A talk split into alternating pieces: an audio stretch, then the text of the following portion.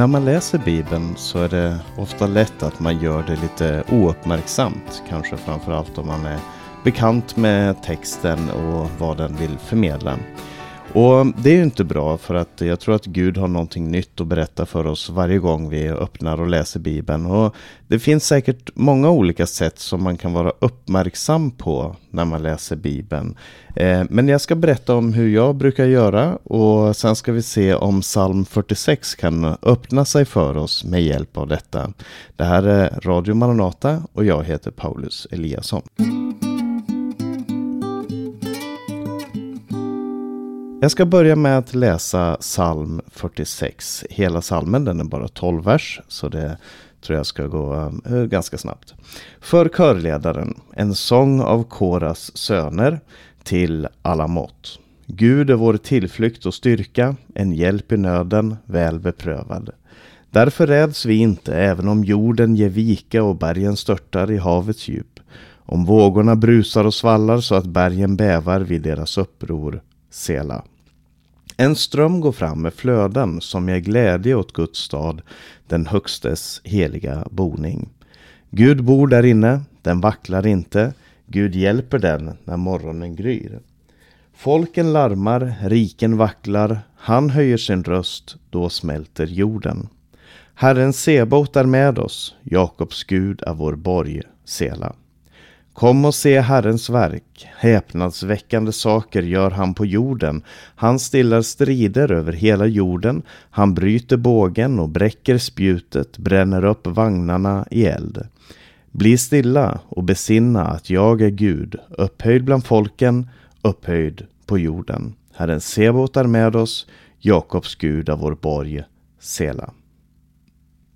Och när jag läser eh, biblarna, eh, de biblar som jag har och jag har en del, så eh, tar jag mig ofta den frimodigheten, den, den friheten skulle jag säga, att eh, rita och teckna och understryka, inte så mycket teckna, men, men att stryka under och stry, eh, markera och dra streck och göra små noteringar i texten och kommentarer, ringar och streck och sådana saker.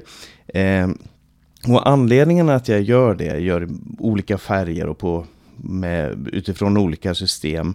Och anledningen att jag gör det, det är att för det första att det hjälper mig att komma ihåg. Jag har det sättet att, att lära mig på. Det, det gör det lättare för mig när jag har gjort någonting med det jag håller på med. Jag visuell lärare. Eh, jag lär mig visuellt för att säga det så. Eh, det hjälper mig också att se mönster i texten och det är någonting som jag tänkte att den här, just den här salmen kan illustrera att man kan se mönster som man kanske annars, annars inte hade sett när man läser på det här sättet. Eh, och det hjälper mig också att, eh, att eh, känna igen texten och det väcks saker i mig när jag ser det som jag tidigare har skrivit. Eh, och det är ett sätt att arbeta med texten på, att få ut det som faktiskt står där. Och det är absolut inte enda sättet att göra det på. Det finns mer och mindre systematiska och säkert finns det många bättre sätt för dig, eh, om inte det är ditt sätt att göra det på. Så det här är inte en podcast där jag vill berätta för dig hur du borde markera i Bibeln. Det är en spännande sak, men, men jag tror inte det är det viktigaste här och nu. Utan det jag ville dela med dig, det är det som jag la märke till när jag började markera den här texten. Eh, och jag läste igenom den först en gång, så läste jag igenom den en gång till och la märke till vissa små mönster och så läste jag igenom den en tredje, en fjärde och en femte gång. Eh, och markerade de olika sakerna som jag såg i den här texten. Eh, någon kanske tycker att det är lite vanhelgande att eh, göra så med en bibel. Men kom ihåg det att eh, det är inte själva texten som står på pappret som är helig, utan det är, den, det är vad texten förmedlar som, som är heligt. Det är det som är den heliga skriften. Och när jag var i Rumänien så visade jag mitt eh, arbete. Jag sa, hade samma budskap där eh, under några möten. Och jag visade då det jag hade gjort med hjälp av papper och så. Eh, och det kan jag inte göra här i Radio Maranata. Men, eh, men jag vill ändå berätta någonting som jag lade märke till. Och det är att den här salmen har tre distinkta saker som den förmedlar. För det första så talar den en del om, på olika ställen i texten, vad som händer i den här världen. Vad händer i världen runt omkring oss? Eh, det andra som den talar om, det är vad Gud gör med det som händer i den här världen och hur Gud agerar, vad hans verk är. Och det tredje är vad vi förväntas göra i den situationen. När vi ser det som Gud har gjort, när vi ser det som sker i världen, vad bör då vår reaktion vara? Så tre saker som jag lade märke till. Så jag har markerat den här salmen med tre olika färger. Egentligen med flera för att det är flera detaljer. Men det, för, för det jag ska tala om idag så ska jag nämna tre färger och tre saker som ämnen som jag lade märke till här. Vad sker i världen? Vad gör Gud? Och vad ska vi göra?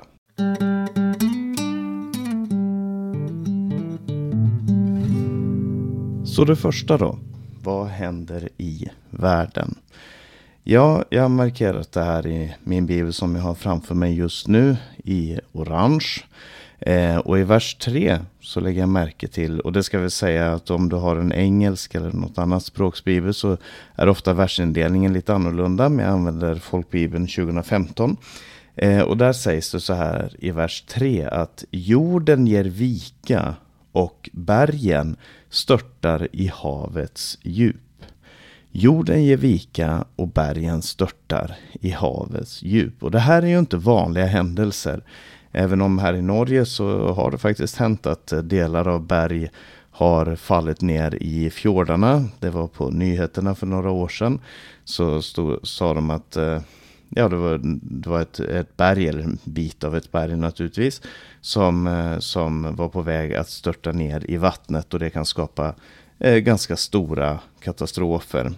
Eh, det blev gjort någon spelfilm om det där också, vad som skulle kunna hända då. Men det, det, är inte så vanligt att, att bergen störtar ner i havets djup och jag vet inte vad det skulle betyda att jorden ger vika. Vad, vad innebär det? Är det jordbävning man tänker på då eller är det någonting annat? Eh, men jag tror att det här är en del av det som eh, Bibeln har av symbolik. Det är, det är ett sätt att säga att det som är stabilt, som har varit där i alla tider, som vi har känt, som vi har trott på, som vi har kunnat lita på. Det som vi litade på, det krackelerar och faller ihop. Och det används de här stora orden för att beskriva någonting som, som är eh, ja, som på det personliga planet eller det globala planet kan vara en verklighet. Eh, jorden ger vika och bergen störtar ner i havens djup. Det andra som står, och det är versen efteråt, där står det vågorna brusar och svallar så att bergen bävar vid deras uppror. Och här är det då havet. Så först är det jorden som ger vika och bergen störtar ner i haven. Och så är det vågorna som brusar och svallar så att bergen bävar. Och i Bibeln så används ofta havet som en symbol för, för eh, eh för kaos, för de kaoskrafter som finns i världen, för det är en osäkerhet som det betyder att, eh, att leva i den här världen. Vi vet att havet det, det kan brusa, det kan, det kan svämma över, det kan för den som är ute på havet så känner man verkligen inte att man har makten över den utan man måste bara förhålla sig till vad havet gör. Så den här vågorna brusar och svallar och bergen bävar. Naturen bryr sig inte. Och det finns många exempel på det. Då jag var i Rumänien i eh, våras, alltså vår, våren 2023, då, då, var, eh, då var det en jordbävning där. Det har inte varit jordbävning på många, många år i det området där vi bor. Men det var en jordbävning just då. Hela huset där vi, där vi bor det, det skakade, det lyftes upp och det kändes som en stark explosion eller någonting. Det var en, en våg som gick genom huset där. Och, och naturen den, den bryr sig inte. Översvämningar, jordbävningar, stormar, orkaner, vad det än skulle vara, torkperioder. Naturen ställer sig inte in efter vår klocka. Vi måste förhålla oss till den. Vi måste bygga husen så att de kan stå emot en viss mängd eh, vatten och storm och så vidare. Vi måste eh, skapa våra vår infrastruktur på ett sätt som gör att vi kan förhålla oss till den. Men, men om naturen, utan att vi ska antropomorfisera naturen, alltså ge den mänskliga drag, så är det ändå så att om naturen bestämmer sig för att den vill göra någonting, så gör den det. Vi, vi kan inte kontrollera den. Och men jag tror inte att det är framförallt är naturfenomenen som Gud bryr sig om, utan han använder det här som en bild för att beskriva någonting som är både vanligare och på ett sätt också farligare. Och det kan man se om man går fram till vers 7 som jag också har markerat i orange där, där det står Folken larmar, riken vacklar. Folken larmar och riken vacklar. Det här är en koppling tillbaka till den första salmen, eh, förlåt mig, den andra salmen.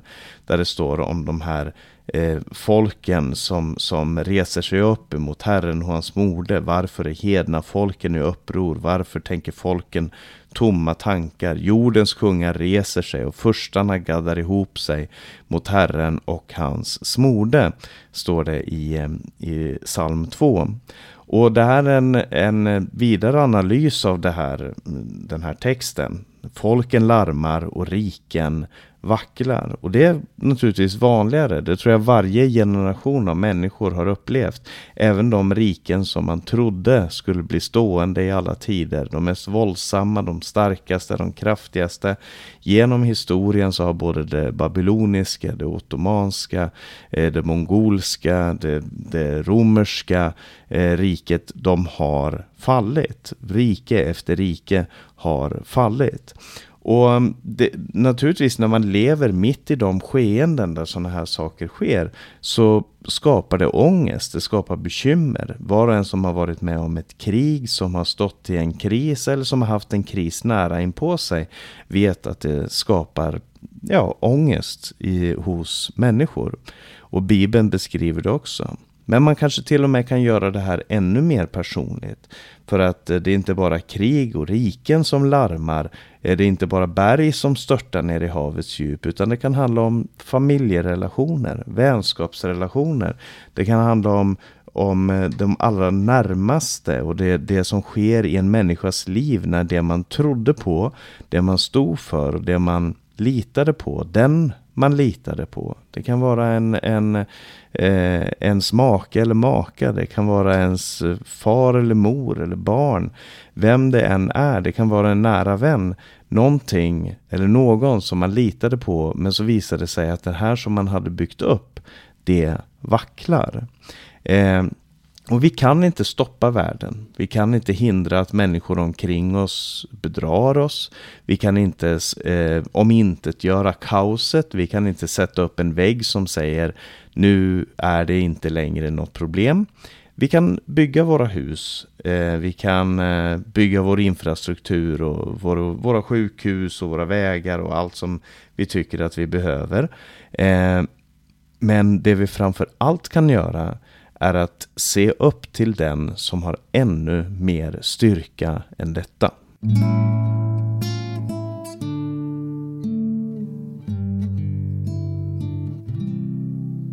För den andra delen i, eller det andra temat som jag lagt märke till i den här texten, det är det som Gud gör eh, och vad Gud är för sitt folk. Eh, redan den andra versen säger Gud är vår tillflykt och styrka, en hjälp i nöden väl beprövad. Han är en tillflykt. Det betyder att han är en plats dit man kan dra när saker och ting går fel. Han är en styrka. Det betyder att han har makt som vi inte besitter.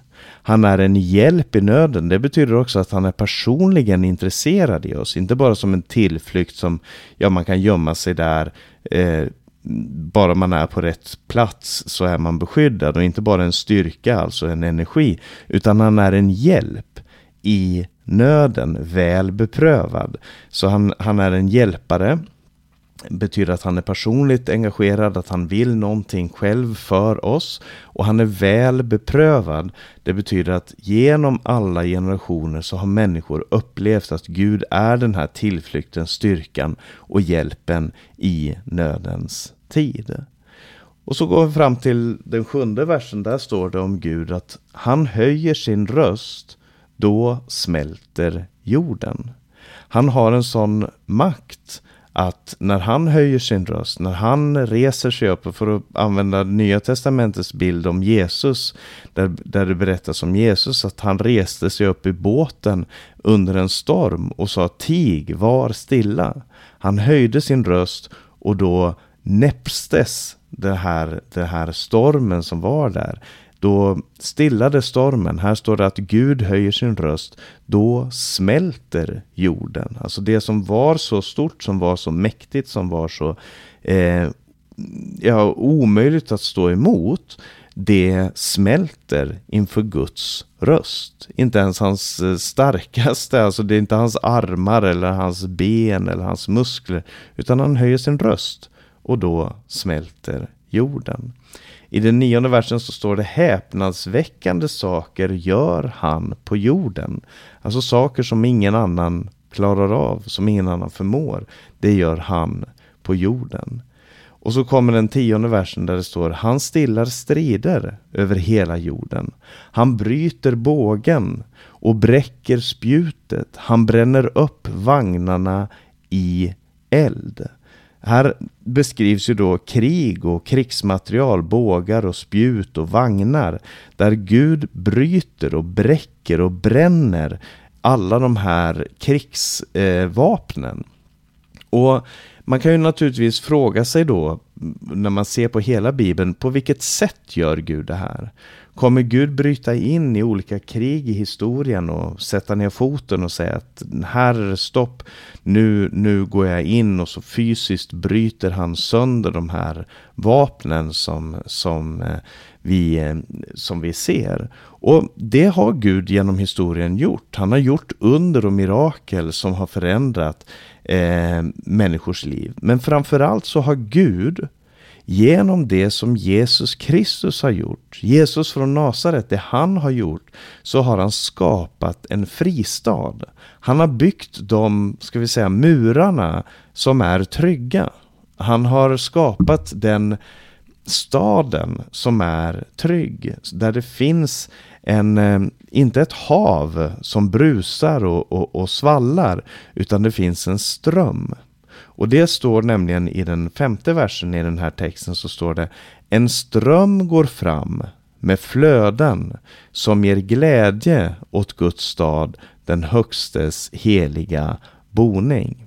Så istället för att vara rädda inför jorden som ger vika och folken som larmar och spjut och bågar och vagnar så finns det en glädje som Gud ger. Och den glädjen den ger han i sin stad. En ström går fram med flöden som ger glädje åt Guds stad, den högstes heliga boning. Och så säger han, Gud bor där inne. Det, det är gemenskapen med Gud som gör, att, eh, som, gör, som gör den trygg.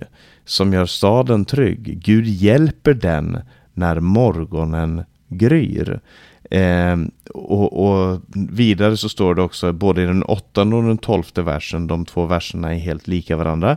Där står det Herren Sebot är med oss, Jakobs Gud är vår borg, Sela. Både vers 8 och vers, vers 12 säger det, Herren Sebot är med oss. Så han, han följer sitt folk, han, han leder sitt folk, han är mitt ibland dem, han är en hjälp i nöden, väl beprövad. Det här, allt det här är Guds verk och därför så finns det en möjlighet för oss att, att komma till honom och uppleva eh, uppleva det här som står i texten, att kunna lita på honom, att kunna vila i honom. Och framförallt så handlar ju det här om evangelium. Alltså då Jesus kom så sa han att den som tror på mig ifrån hans innersta ska strömmar av levande vatten flyta fram som skriften säger. Och jag tror att en av de platser som Jesus tänker på i det sammanhanget är just det här där det står en ström går fram med flöden som ger glädje åt Guds stad. Och den ström som går ifrån Jesus Eh, det är ju den ström som, som rinner utifrån Golgata. Där hans eget liv hälls ut som ett offer, som ett offer för hela mänskligheten för att ge frid, för att stilla strider över hela jorden, för att bryta bågarna och bräcka spjuten, så gör Gud under i människor. Han, det är på det sättet som han stillar striden. Inte genom att själv vara starkare utan egentligen genom att själv vara svagare. Alltså i Guds svaghet, i krubban och på korset, där uppenbaras Guds stora makt. I Jesu födelse, inkarnationen och i hans död och uppståndelse som är vår stora trygghet. Så framförallt så tror jag att den här salmen på många sätt handlar om evangelium. Men det finns en del till här och det är frågan, vad gör då vi?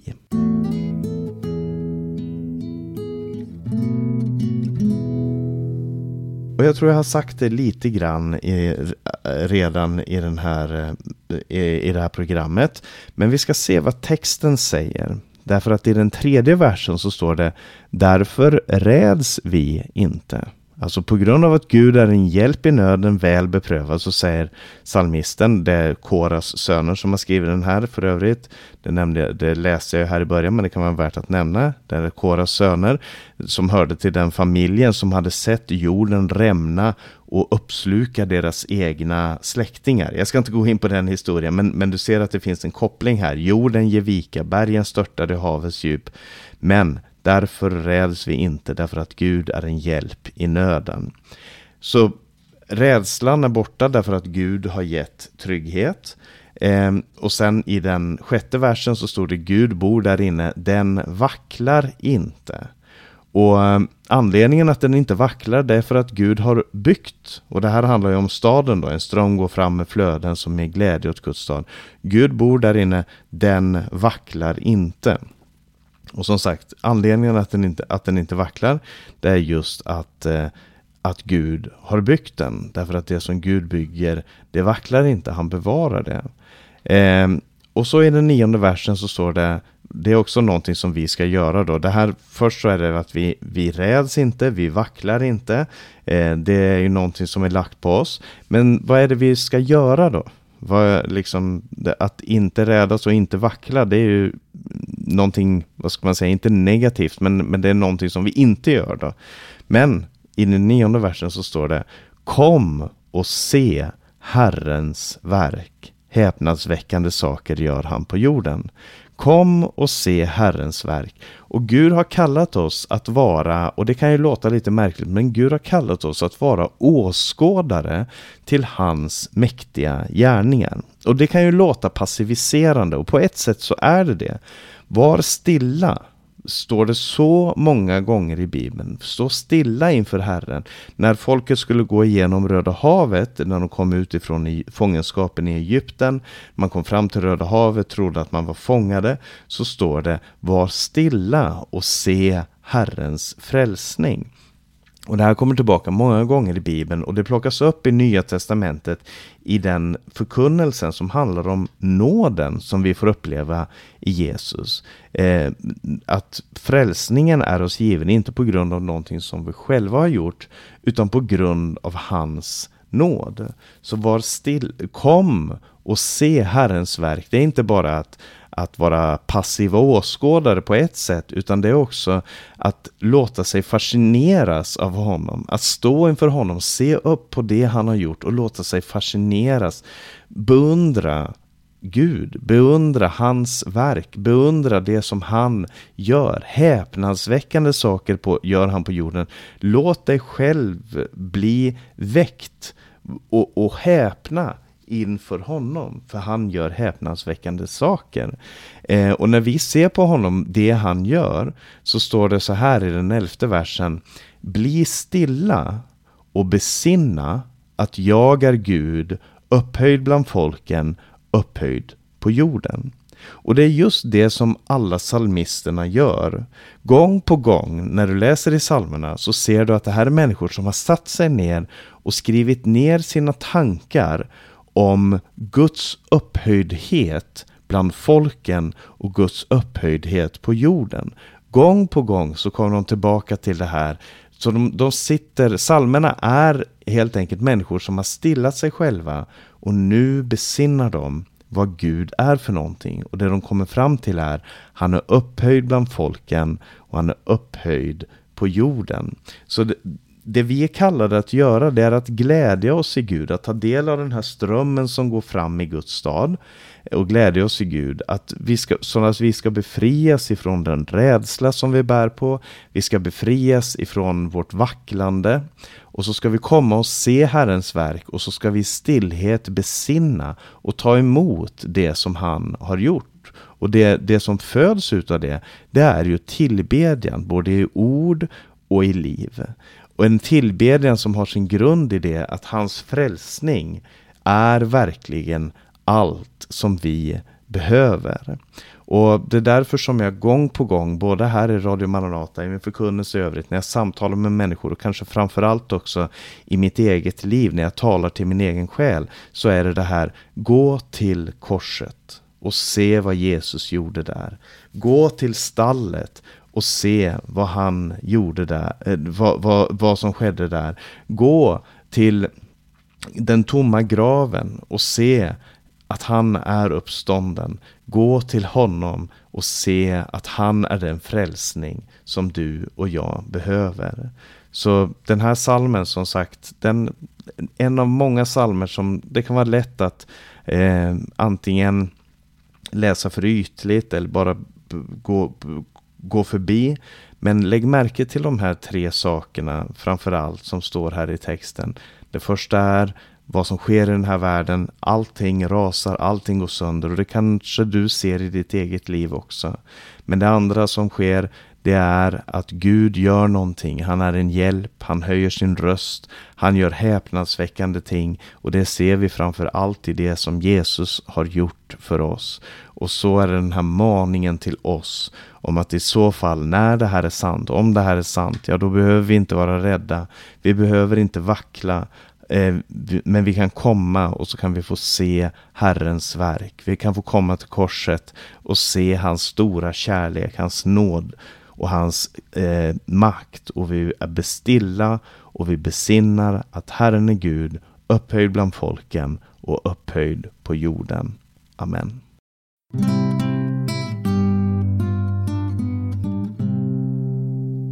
Jag vet att Hans Lindelöf har skrivit en sång som är hämtad ifrån den här salmen där han sjunger En ström går fram vars flöden ger glädje åt Gustad. Dessvärre så hittar jag den inte i vårt musikarkiv. Eh, men vi ska istället lyssna på en annan sång av Hans, nämligen Trons leende. Jag ska bara nämna att du har lyssnat på Maranata Podcast. Jag heter Paulus Eliasson. Vi har sänt över Stockholm och Örebro närradio det här programmet också. Eh, var gärna med och sprid programmen vidare. Eh, du kan komma i kontakt med oss via e-post info eller telefon 070-201 60 20. Sprid Guds välsignelse till alla och på återhörande. Vi var på väg från Galilee Timmen den var redan ganska sen. Vi går och skälver, darrar där för allt som Herren Jesus lär.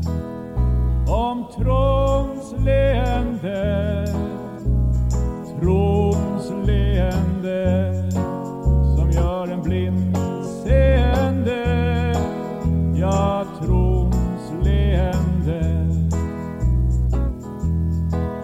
Vi har det svårt att det förstå att det döda kan uppstå.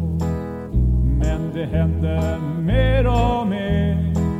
Bevisen det blir fler och fler. Om tron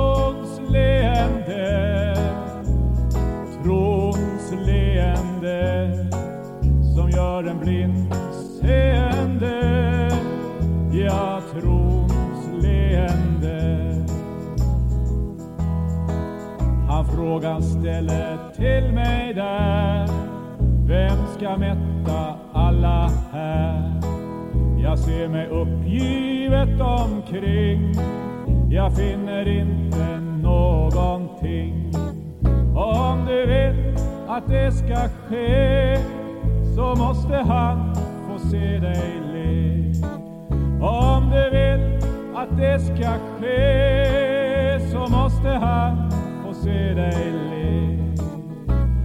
Trons leende, trons leende som gör en blind seende. Just trons leende. Det var i den yttersta tid vi var på väg till Herrens berg. Det var så befriande